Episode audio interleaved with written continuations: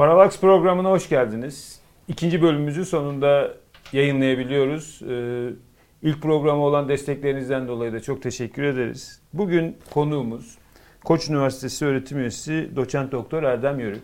Erdem Hocam hoş geldiniz hoş programımıza.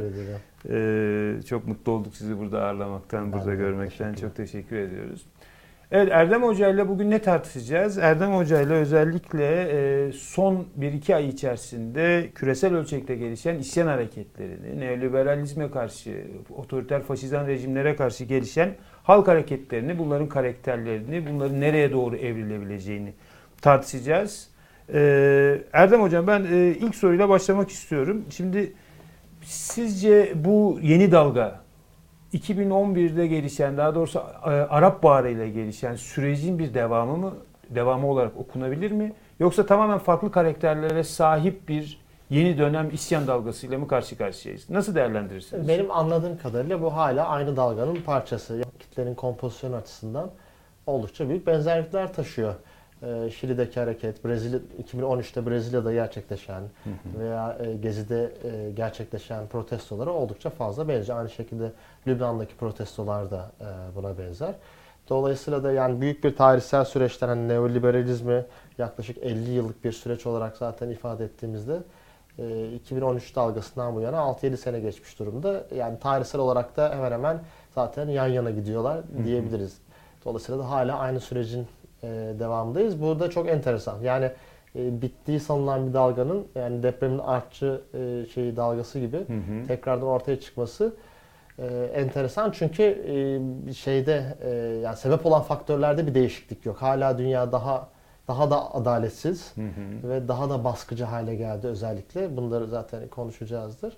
E, dolayısıyla da yani genel itibariyle bu e, 2010'lardaki ayaklanma dalgasının parçası olarak görmek lazım. Evet yani neoliberalizm tabii bir hegemonya kaybı yaşamakla beraber e, karşı bir hegemonya gelişmediği için de kendisini bir tür zombileşmiş bir biçimde sürdürüyor Kesinlikle. aslında ve bu zombileşmiş iktisadi sosyoekonomik yapının devamlılığı da büyük oranda otoriterleşen, işte popülizmden giderek neofaşizme doğru kayan evet. siyasi hareketler eliyle sürdürülmeye çalışılıyor ama gerçekten hem Latin Amerika'da yani o pembe dalga denen dalganın tam Bolsonaro sonrasında geriye çekileceği düşünülürken Ekvator, Şili'de yükselen bir dalga. Belki karşıt bir çerçevede de olsa Bolivya'da hı hı. aynı çerçevede incelenebilir.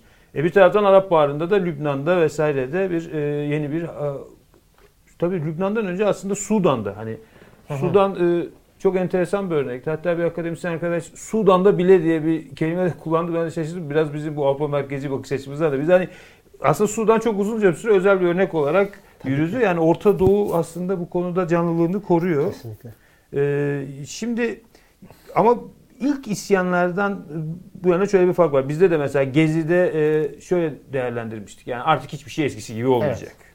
Yani 2008'de de beter, beter olacak. 2008'de ki ilk isyan dalgası başladığında aslında büyük bir iyimserlikle beraber evet. değerlendirilmişti. Çünkü bir tarafta bir küresel kriz var. Amerika'da, e, Avrupa'da muazzam bir kapitalizmin kriziyle karşı karşıyayız. Halk hareketleri de yükselişte. Dolayısıyla buradan aslında yeni bir sayfa açılıyor izlenimi doğmuştu ama aslında pek de öyle olmadığını daha sonraki süreçlerde evet. gördük.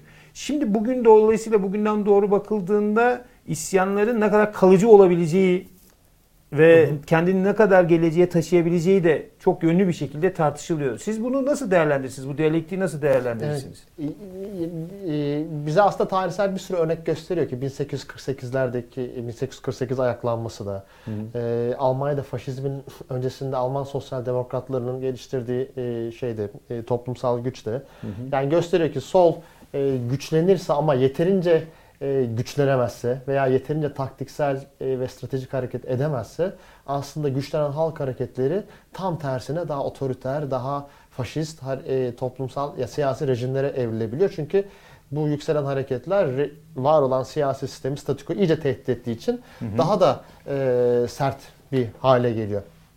Dolayısıyla da e, bence çıkartacağımız en büyük ders bu. Yani 2013'teki e, gezi eylemlerine öncesinde e, yani 1990'lardan başlayarak aslında solda başlayan bir tartışma vardı. Yani bunu özetle e, hani 1900'lü 1800 yıllardaki e, Avrupa'daki sosyalistlerin geçirdiği tartışma aslında çok analoğu. Anarşistlerle e, sosyalistler arasındaki ve daha anarşistlerle Marksistler arasındaki tartışmanın çok benzer bir hali aslında. Hı hı. Yani e, toplumsal hareketler yatay e, mi örgütlenmeli, dikey mi örgütlenmeli? Hı hı. Ve uzunca yıllar özellikle hem akademide hem de te, yani daha otonomcu e, e, sol e, hareketler arasında gerçekleşen bu tartışmada ama yani ben özellikle akademideki yanını da gayet iyi biliyorum. Hı hı. E, yani merkezi yani Leninist tipte e, merkezi e, demokratik merkeziyetçi e, örgütlenmelerin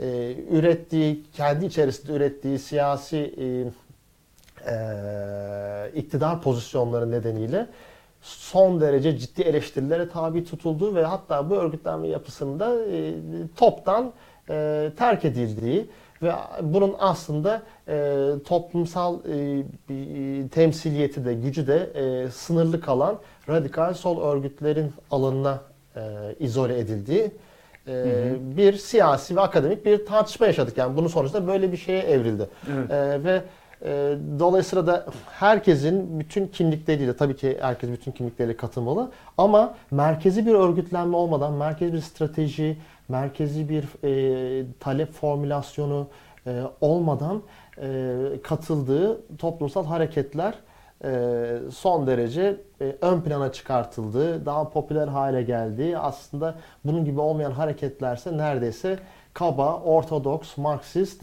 e, Leninist ve e, aslında da e, sadece yeni bir iktidar e, formülasyonu olarak neredeyse çöpe atıldı diyebiliriz. Evet. Yani. yani çok e, belki çok keskinleştiriyorum. Yok yok bu bir dönemin tabusu haline geldi neredeyse. E, Bunu yani tabii. çünkü şeyde hani e, böyle iki kutup da kurmak istemiyorum aslında. Yani sonuçta hepimiz e, ne derler yani bu tartışmayı yapan herkes e, solun farklı düşüncelerine sahip. Aslında hepimiz e, yani aynı şeyi hı hı. az çok savunan, e, daha özgür, daha eşitlikçi bir dünyayı savunan insanlarız. O yüzden böyle bir karşıtlık kurmak istemiyorum ama analitik olarak tartışmak gerekirse böyle bir iki e, kamp vardı ve e, dolayısıyla da bu tür merkezi olmayan toplumsal hareketlerin aslında özgürlük getireceği, e, daha çok özgürlük getireceği ve e, bunu yaparken de yeni bir iktidar formasyonu kurmayacağı hayal ediliyordu. E, maalesef böyle olmadı çünkü karşımızdaki iktidarlar hem devlet hem de sermaye son derece örgütlü ve e, ve toplumsal hareketlerin kendisi de son derece heterojen. Dolayısıyla da bazı çıkarlar daha acil, yani bazı ihtiyaçlar daha acil, toplumun bazı kesimleri daha ayrıcalıklı, bazıları daha çok eziliyor. Bunların arasındaki koordinasyon, bunların hepsinin taleplerinin devlete ve sermayeye karşı nasıl yükseltileceği bir koordinasyon gerektiriyor ve aslında bu tür merkeziyetçi toplumsal e, hareketlerin, siyasi hareketlerin aslında ortaya çıkması da bir iktidar arzusundan kaynaklanmıyordu. Bu tarz somut bir problemden kaynaklanıyordu. Evet. Yani bu aslında e, hani Marksistlerle Leninistler arasındaki bir tartışmaya da tekabül ediyor değil mi? Yani evet. hani Komünist Manifesto'daki Marx'la e, Lenin arasındaki Lenin. Ne yapmalıdaki Lenin arasındaki öyle bir fark da var. Yani Lenin aslında bunu iyice ucuna götürüyor değil mi? Yani Marx'la parti bile bulmak pek mümkün değil. Evet yani Marx diyor ki çünkü internasyoneller üzerinden örgütleneceğiz. Evet yani Komünist Manifesto'da e, gittikçe daha da homojenleşen ve dümdüz hale gelen bir dünya İşçisi. ve işçilerin de hem çıkarlarının hem de mücadelesinin hemen hemen otomatik olarak e, tekleşeceği aslında. Yani orada ee, sınıfla parti arasında, sınıfla örgütü arasında neredeyse bir ayrım, bir ayrım pek yok. yok. Aynen, evet, aynen. Yani, yani ayrım bu, daha çok Lenin aynen. sonra. Ya, ama işte e, yani emperyalizm denilen bir şey ortaya çıktığı için Lenin zaten e, Lenin ve arkadaşları yani bu saptamayla bu şey yapıyor.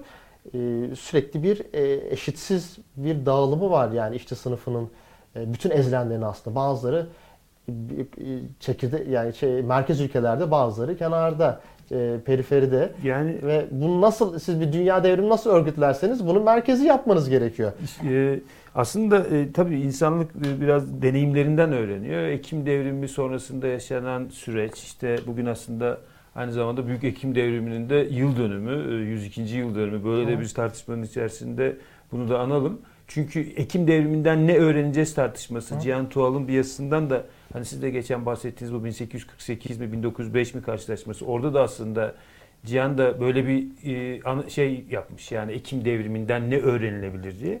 E şimdi Ekim e, aynı 68 gençliğinin işçi partisine tepkiyle parti meselesinden komple kopması gibi bugün de aslında böyle bir ara dönem geçirdik. Yani o Hı. forumlar, uluslararası forumlar, Porto Alegre'ler yani tamamen yataylaşma. Evet. Ama 2008 bize şunu gösterdi. Biz o yatay örgütlerle bu var olan siyasi rejimleri dönüştürebilme şansına sahip değiliz. Yani evet. bunlar son kertede geliyorlar ve bizi eziyorlar. Evet. O, o zaman işte buradan bir akıl çıkartmamız gerekiyor. Bu da ama şöyle bir akıl değil. Yani tam anlamıyla eskisi gibi yani Ekim devriminin aynı tarzda bürokratik yapılanmalara yol açacak bir şey değil de yeni bir liderlik tarzı, yeni bir önderlik tarzı ama bir önderlik tarzı, bir liderlik tarzı. Yani biz e, sosyal hareketlerin bu doğrudan demokrasiciliği biraz kendi kurumsal kapasitelerini bütünüyle imha eden, e, karar alamaz hale getiren, kıpırdayamaz. Biz bunu e, gezi sürecinde de çok belirgin bir şekilde yaşamıştık. Karar alamayan, saatlerce süren evet. toplantılar ama bir taraftan da böylesi bir şey var. Şimdi geçen gün çok enteresan iki tane çalışma yayınlandı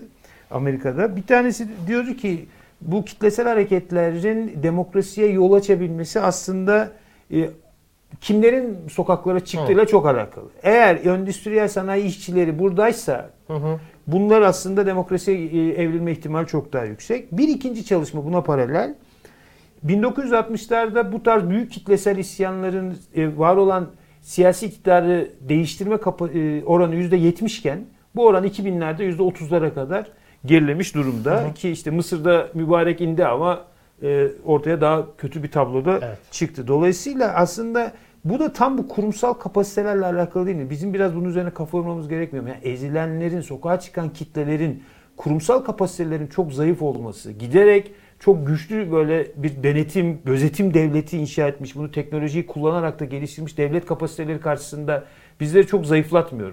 Kesinlikle. Ee, yani buna karşı alternatif e, yeni e, iletişim mecraları mesela ortaya çıkıyordu. Hı hı. Mesela Twitter bunlardan bir tanesi. Yani bu yatay örgütlenmeleri aslında yatay bir şekilde örgütleyecek e, Twitter ve Facebook. Yani sosyal medyanın bu özgürleştirici potansiyeli de çok e, ön plana Öne çıkartılıyordu. Twitter Ve devrimlerinden bahsediyor. Aslında birkaç yıldır gördük ki tamamen e, devletlerin elinde bir e, araca dönüşmüş Gözetim durumda. Yani e, yani kesinlikle bir e, tek bir sonuç çıkartılamaz tabii ki ama e, devletler de bu potansiyeli görüp çok ciddi şekilde e, müdahale ettiler. Rusya'da yani interneti Rusya'da, tamamen uluslararası özelliklerini ortadan kaldıran yeni bir internet tabii kurgulanıyor. Ki, e, yani sansürün de dışında devletler aktif olarak troll ordularıyla internet alanına çok ciddi şekilde müdahale ediyorlar. Yani bu bir sürü ülkede var ve yani en ciddi şeylerin de yani Rusya kendi trolleriyle Amerika ve e, İngiltere'deki demokratik süreçlere çok ciddi şekilde müdahale etti.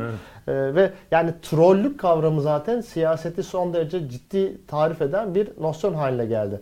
Bu da yani çok çok enteresan bir bulgu. Ee, ancak ben şeyi merak ettim. Bu bahsettiğiniz çalışmada hani e, endüstriyel işçi sınıfının katılımının demokratik e, sonuçları. Hı hı. Bunun mekanizması hakkında bir şey tarif ediyorlar mı? Bunun mekanizmasını açıkçası e, çalışmayı çok e, kapsamlı bir şekilde değerlendirmedim hı. ama benim şu, kafamda bir yere oturdu çünkü Şimdi bu demokrasiye geçiş Arap Baharı'nda da işte Tunus'un bir ayrıksı bir örnek olarak gözükmesi. Geçtiğimiz günlerde Sudan'ın ki çok uzun süreli ve çok kararlı bir mücadelenin sonunda rejime geri adım attırması, iktidara geri adım attırması. İkisinde de aslında Tunus'ta biliyoruz ki Orta Doğu'nun en güçlü işçi sendikalarının olduğu ve sınıfın örgütlü kapasitesinin gerçekten bir rol oynadığı, Hı. politik olarak da bir karşılığının olduğu. Sudan'da da e, hem Sudan Komünist Partisi'nin Hı. hem de mesleki örgütlenme adı verilen bir tür sendikaların aslında orada da çok etkin bir rol oynadı. Yani bizim aslında Doğru bugün sendikalarımız etkisizleşti, politik partilerimiz etkisizleşti ama bunların güçlü olabildiği yerlerde politik dönüşümlerin de gerçekleşebildiğini, ezilenler lehine politik dönüşümlerin gerçekleşebildiğini görmek lazım. O yüzden de bu isyanlarda e, siyasetle uğraşanların şöyle bir sonuç çıkarması gerekir diye düşünüyorum. Siz buna ne dersiniz? Yani böyle bir kendilerince bakış Tabii. açısıyla bu isyanlar bunu bakalım nasıl yapacak Tabii. diye değil de Aynen öyle. politik kadroların biz burada nasıl bir önderlik inşa etmeliyiz tartışmasını daha güçlü bir şekilde yürütmesi gerekmiyor mu? Tabii. Yani isyanların kendisini bir aslında yani o bir mücadele alanı olarak görmek, görmek. ve onu şekillendirmek, Hı-hı. onu dönüştürmek için aslında e, muhalefetin örgütlü bir şekilde oraya müdahale etmesi bırakıyor. Yani bu gerçekten bitti. Yani bu kendiliğindenciliğin e, faşizme yol açtığı bence artık bir e, toplumsal neredeyse Genel doğru haline geldi. genel doğru haline gelmiş olabilir. Yani sürekli kendi kendini tekrarlıyor çünkü. E, mesela Brezilya örneğini düşünecek olursak Hı hı. Brezilya'daki e, İşçi Partisi PT e, bir darbeyle iktidardan uzaklaştırıldı. Peki ne- neden bu olabildi?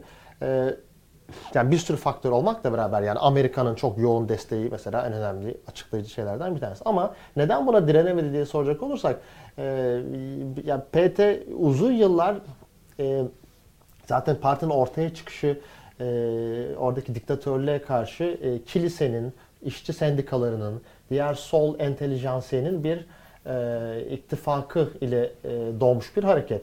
Ve a, akabinde bütün bu toplumsal hareketleri yani buna e, Topraksız Köylüler Hareketi, MST de dahil olmak üzere e, PT bütün bu hareketlerin e, önderlik kadrolarını kendi devlet bürokrasi içerisinde aslında koopt etmiş durumda. Yani bütün hareketleri hem bu tarz kadrolaştırmalar sayesinde devletleştirme e, hareketleri hem çeşitli e, ne bileyim bizim kendi araştırmamıza gösterdiğimiz gibi toplumsal e, mesela sosyal e, refah uygulamalarını bu hareketlerin e, mensuplarına Dağıtmak. e, dağıtma yoluyla yani bir pasifizasyon ve de gittikçe toplumsal hareketleri de koopte etme yoluyla bunların bütün dinamizmini aslında kendisine yönelik bir tehdit olarak da görüp bastırmış Yani durumda. bunu da egemen sınıflarla ittifak kurmanın da bir aslında Evet. aracı olarak Aslında yani Brezilya burjuvası ne diyor ki bakın Bak ben bunları ben kontrol altına ben bunları kontrol altına almış durumdayım. Yani e, ama kendisine yönelik bir tehdit olduğu zaman da normalde MST, normalde diğer işçi sendikaları aslında bu faşist dalgaya karşı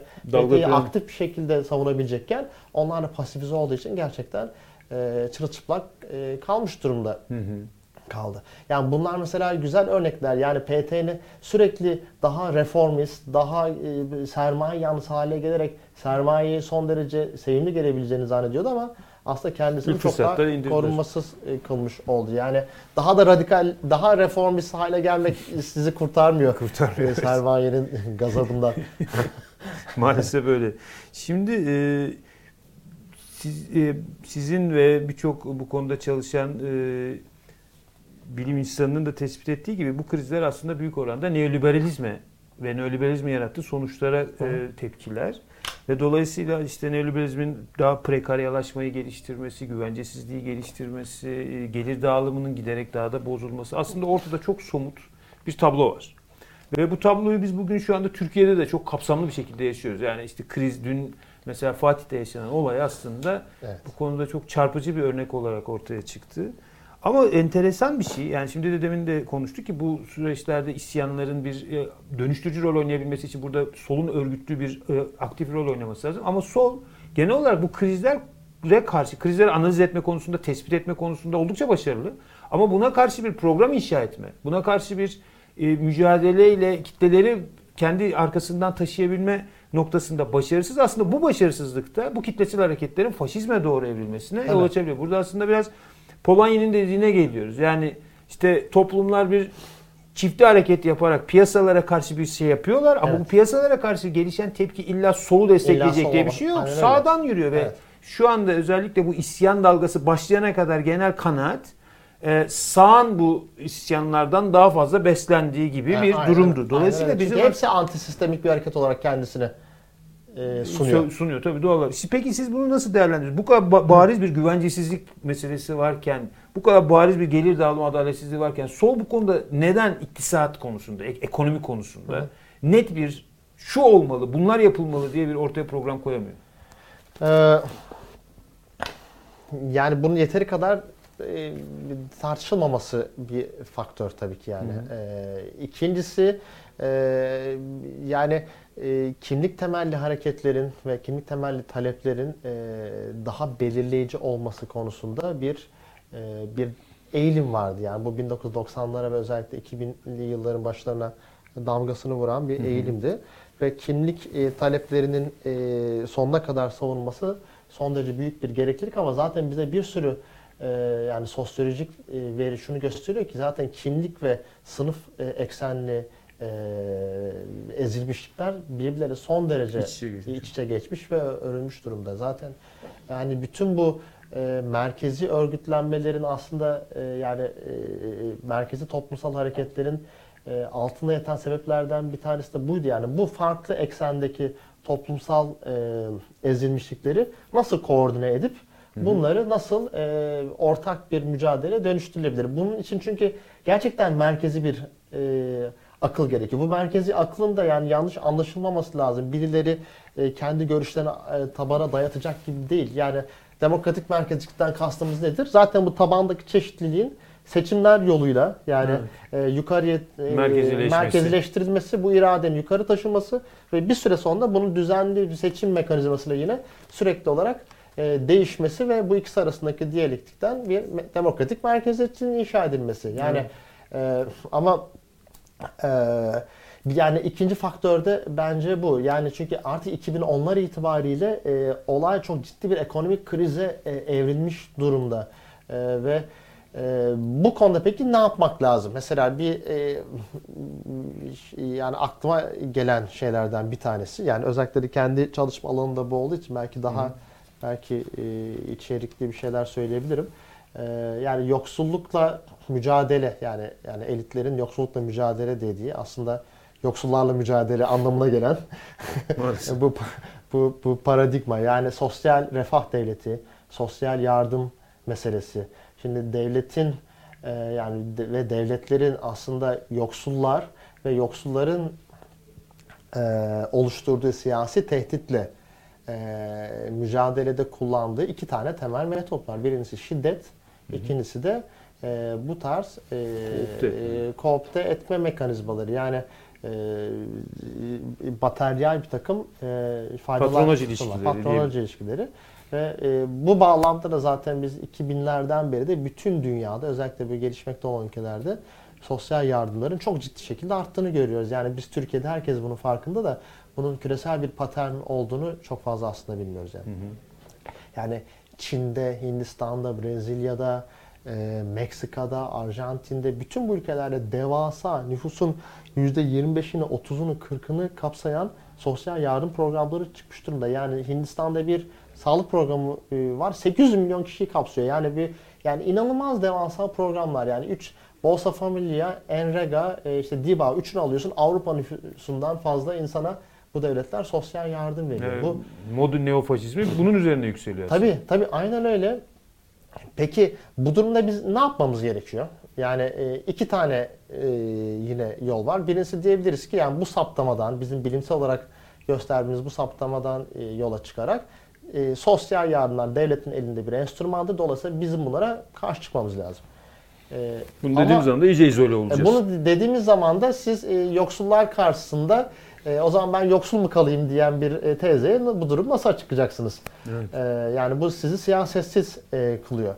E, yani bence ama yapılması gereken şey şu, bütün bu sosyal politika ve sosyal yardım alanının radikal bir sol e, müdahaleyle politize edilmesi.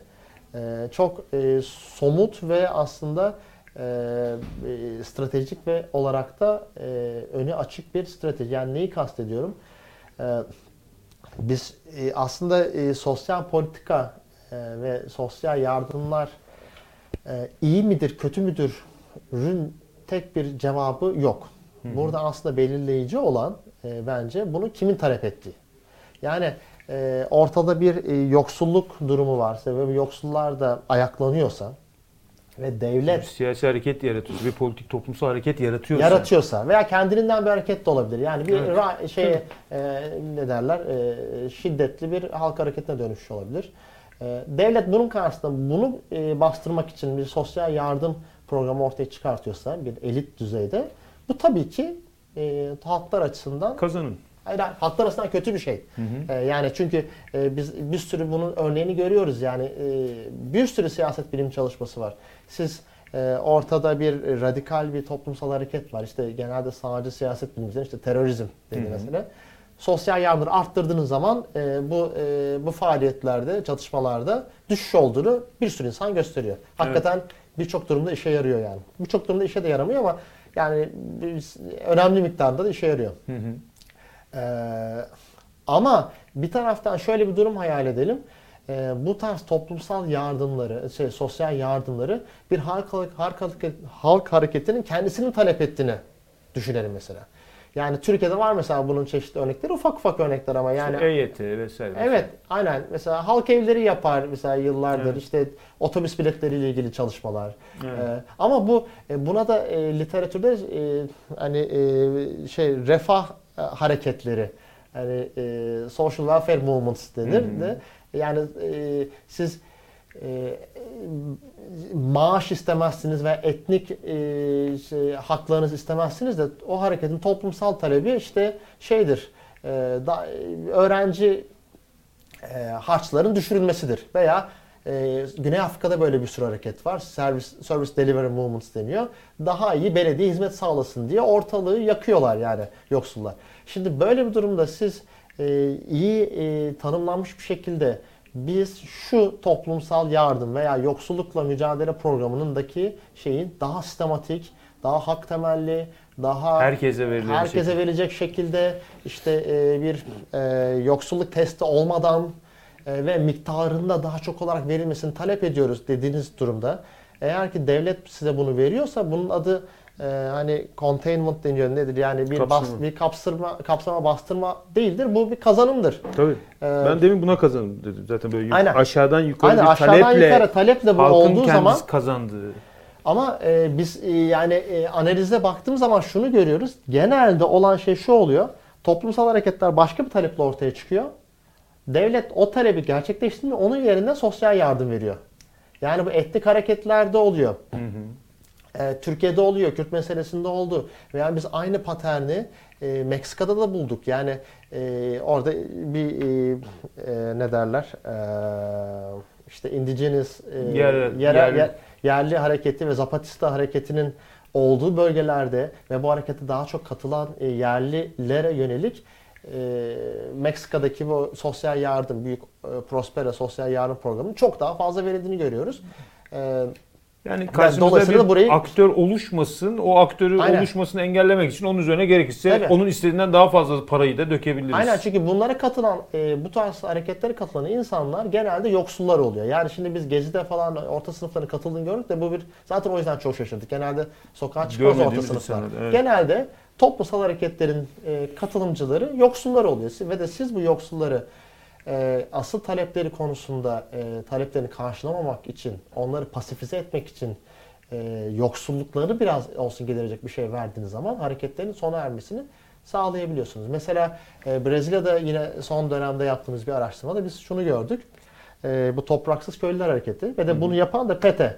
E, Brezilya'nın İşçi Partisi, Lula yapıyor yani. E, topraksız köylüler, işte MST ne? E, toprak işgallerinde bulunuyor değil mi? Taleplerine e, toprak reformu. Biz çok geniş kapsamlı yani 5000 tane e, belediyeyi kapsayan ve bir panel datayla e, bir e, istatistiksel analiz yaptığımızda şunu bulduk. E, bir yerde MST daha fazla toprak işgalinde bulunursa o bölgede e, Bolsa Familia sosyal yardım programı veriliyor. Yani bunu e, zapt etmek için devlet bunu yapıyor. Ancak şöyle bir başka bir mekanizma var.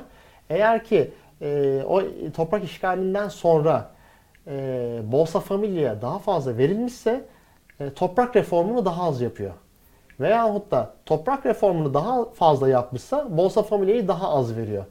Yani ikisi arasında bir e, Evet, şey yani var. bunlar bir tür neoliberal yönetme repertuarı ne- diyebileceğimiz. Aynen öyle. Yani halk gidip toprak reformu istiyor. E, PT de gidip şunu yapmış. Toprak reformunu yapmamak için bu yoksul köylülere Bolsa Familia sosyal yardımını dağıtmış. Evet. E, yani siz Şimdi dolayısıyla da burada işte bir e, bunu etme toplumsal aracı. fonlar yoksullara aktıkça bu sefer orta sınıflar da kendilerini yoksullarla yakınlaşmış hissettikleri için kendilerinden bir kayıp olduğu hissine kapılarak aslında sosyal hareketlere de daha yoğun bir şekilde Aynen. katılabiliyorlar. Aynen Bizde öyle. de AKP'nin yönetme stratejisi aslında 3 aşağı Aynen 5 yukarı bu. Dolayısıyla Aynen. belediyelerin kaybı onlar için çok önemli. Tabii, tabii, Çünkü tabii. o patronaj e, hortumlarından biraz bu belediye rantlarından e, elde edilen kazançlar akıyordu. Aynen. Şimdi dün Yani dolayısıyla şey diyecektim. e, e, yani e, sol ne yapmalı diye soracağım e, sorarsak eğer bence yapılacak şeylerden bir tanesi bu. Yani e, sosyal yardımlar e, meselesini kendi gündemine alıp hem e, miktar olarak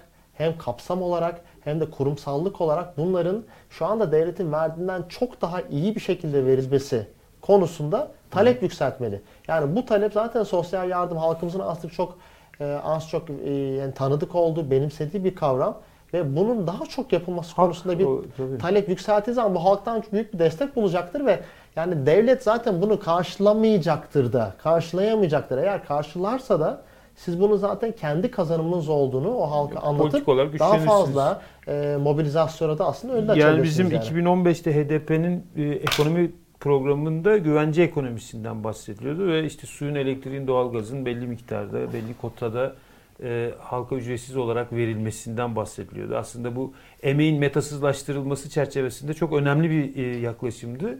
Şimdi dünkü mesela intiharda bunu görüyoruz ve en çok tepki çeken olaylardan bir tanesi de e, elektrik borçları 650 lira ödenememiş. İntiharı onun tetik, tetiklemediğini tabii şu anda çok net bir şekilde bilmiyoruz. Yani spekülasyon yapmamak lazım ama insanların cenazeleri daireden çıkar çıkmaz gelip e, BEDAŞ'ın elektriği evet, kapatması çok Evet, çarpıcı. Çok çarpıcı. Yani çünkü Türkiye'de şöyle bir şey de var. Evet yoksullara bir takım kaynaklar aktarılıyor ama bugün temel hizmetlerin hepsi neredeyse bu aşırı özelleşme programlarından dolayı ücretli hale getirilmiş durumda. İşsizliğin bedeli de bu açıdan son derece ağır. Dolayısıyla aslında bizim burada kullanabileceğimiz geniş bir alan var. Yani işsizlik sigortasından herkesin yararlanması ki şu anda daha Kesinlikle. çok patronlara gidiyor. Elektriğin, suyun, doğalgazın. Ben mesela İmamoğlu kampanyasında bu 40 liralık paso meselesinin çok etkili bir e, şey olduğunu, etken olduğunu düşünüyorum. Yani biraz bu konuda toplumla bir e, ilişkiye geçmemiz lazım. Aynen bir öyle. söz üretmemiz, bir politika yani üretmemiz verilen lazım. toplumsal yar şimdi AKP'nin verdiği toplumsal yardımları eleştirmek ten ziyade yani Herkese yani, yaygınlaştırsa şö- hak olmuş. Yani şöyle bir eleştirmek. Türkiye'de verilen sosyal yardım, yoksulluk yardımları kimse yoksulluktan kurtarmıyor. Tabii. İnsanların yoksulluk içerisinde hale, yönetilebilir hale hale, gelmesini ve siyasi bir tehdit e, olmasını azaltmak fonksiyonu bunun temel fonksiyonu. Yani e, bir sürü istatistiksel çalışma var. Gerçekten yoksulluktan kurtarmıyor insanları. Tam bu yönde bir talep getirilebilir. Yani siz gerçekten bizi e, yani e, yani yoksulluğa gerçekten çare bulacak miktarda ve şekilde e, bu tarz devletin e, katkılarda bulunmasını e, talep ediyoruz. Son derece bence hem e, materyal hem de çok e, ne derler mobilizasyonun önünü açacak bir talep. Evet yani şimdi çünkü bir politik aktörün bu isyanlara müdahale edebilmesi hem öyle bir kurumsal anlamda bir örgütün olması ve bu örgütün de aynı zamanda bir program eşliğinde, bir mücadele programı eşliğinde kitlelerle bağ kurabilmesine bağlı. Dolayısıyla bizim yani sadece bir örgütün ihtiyacından bahsedip bir örgütsel kurumsal kapasiteden ve bunun ihtiyacından bahsedip bunun programın ne olacağını tartışmayınca da Evet. aslında biraz eksik bir tartışma yapmış oluyoruz. Son e, bir cümle olarak, bir değerlendirme olarak süremizin dolduğunu arkadaşlar işaret ediyorlar. Sizlerle konuşmak gerçekten bu anlamıyla çok keyifli ve öğretici. E, Şimdi bu e, bugün dediğim gibi Ekim devriminin yıl dönümü Hı. 7 Kasım ve e, aslında insanlık şunu gösterdi. Yani tarihin sonu e, sayfasını yırttı. Yani yepyeni bir dönem açıldı. Hı. Evet gitgellerimiz var. Evet her şey çok doğrusal bir şekilde ileriye doğru gitmiyor. Ama e, biz bir şey görüyoruz ki son derece canlı, son derece dinamik ve gelişime açık bir sürecin içerisindeyiz. Ama tabii bizim geçmiş deneyimimizden de öğrendiğimiz işte bürokratikleşmeye karşı demin bahsettiğimiz o tabanla to- e, merkez arasındaki gerilimi sürekli diri tutan, bunlar arasındaki alışverişin önünü hiç kapatmayan yeni bir önderliğe, yeni bir o şeye de ihtiyacımız var. Ben yine Cihan Tuğal'ın yazısından esinlenerek yani biz bu e, Ekim devriminden ve bu isyanlardan e, yola çıkarak baktığımızda sol kendi geçmiş deneyiminde en çok hangi yönü alıp e, öne çıkarmalı ve en çok hangi yönüyle hesaplaşmalı? Eee, ben- hesaplaşması gereken iki şey var. Bence iki ayrı uç. Birincisi bu. Hı hı. İkincisi de hani e, zaten bu Ekim devrimini sonradan bir e, yani Sovyet deneyimine dönüştüren bu Stalinist e, eğilim. Yani gerçekten Ekim devrimi sonucunda Stalin nasıl o partiyi ele geçirebildi? E, bu büyük bir e, yani ders çıkartılması gereken bir şey. Yani dolayısıyla da hani sabahtan beri bu kendilindencinin eleştirisini veriyoruz ama e, bir taraftan öbürü yarattığı katastrofi de yani evet. o zaten yani verili alıyoruz ama bir kere daha e, burada da dile getirmek lazım. Yani e, Ekim devrimi yapanlar herkesi özgürleştirecek ve yani sınırların, sınıfların kalktığı, otoritenin kalktığı bir yer hayal ediyordu. Bu neden olamadı? Gerçekten bunun tekrar tekrar tartışması lazım yani. Hı hı. Ee, e, ama ya bence e, dolayısıyla da e, yani pozitif olarak alınacak şey de nasıl olur da bir e, merkezi e, e, koordinasyon tarafından e, hem talepleri hem de mücadele formu e, şekillendirilebilen ama aynı zamanda da bütün e, toplumsal hareketlerin çeşitliliğini ve renklerini ve taleplerini de kapsayan bir toplumsal hareket şeması kurulabilir. Yani bunun da örnekleri var. HDP böyle bir şey yapmaya çalışıyor Evet. zaten. Bir dönemde Ee, yaptı. Bir dönemde gerçekten yaptı. Ee, Bence bu önemli bir deneyim. Yani bu e, yani hiçbir hareket başka bir hareketten daha makbul ve daha acil değil. E, Bunu öğrenmiş olduk. Yani kadın Evet. hareketi uzun yıllar hani ha- şu devrim yapalım ondan sonra çözülecek diye e, Tabii. arka plan itilmişti. En büyük eksikliklerden Yani biri. bu, bunu bu artık e, çok şükür herkes için kabul edilmiş bir şey haline geldi yani.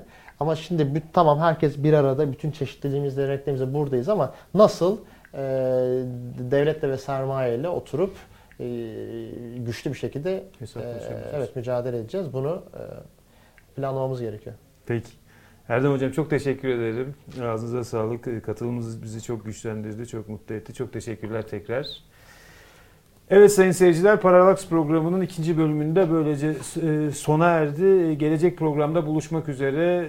E, kendinize çok iyi bakın. Görüşmek üzere.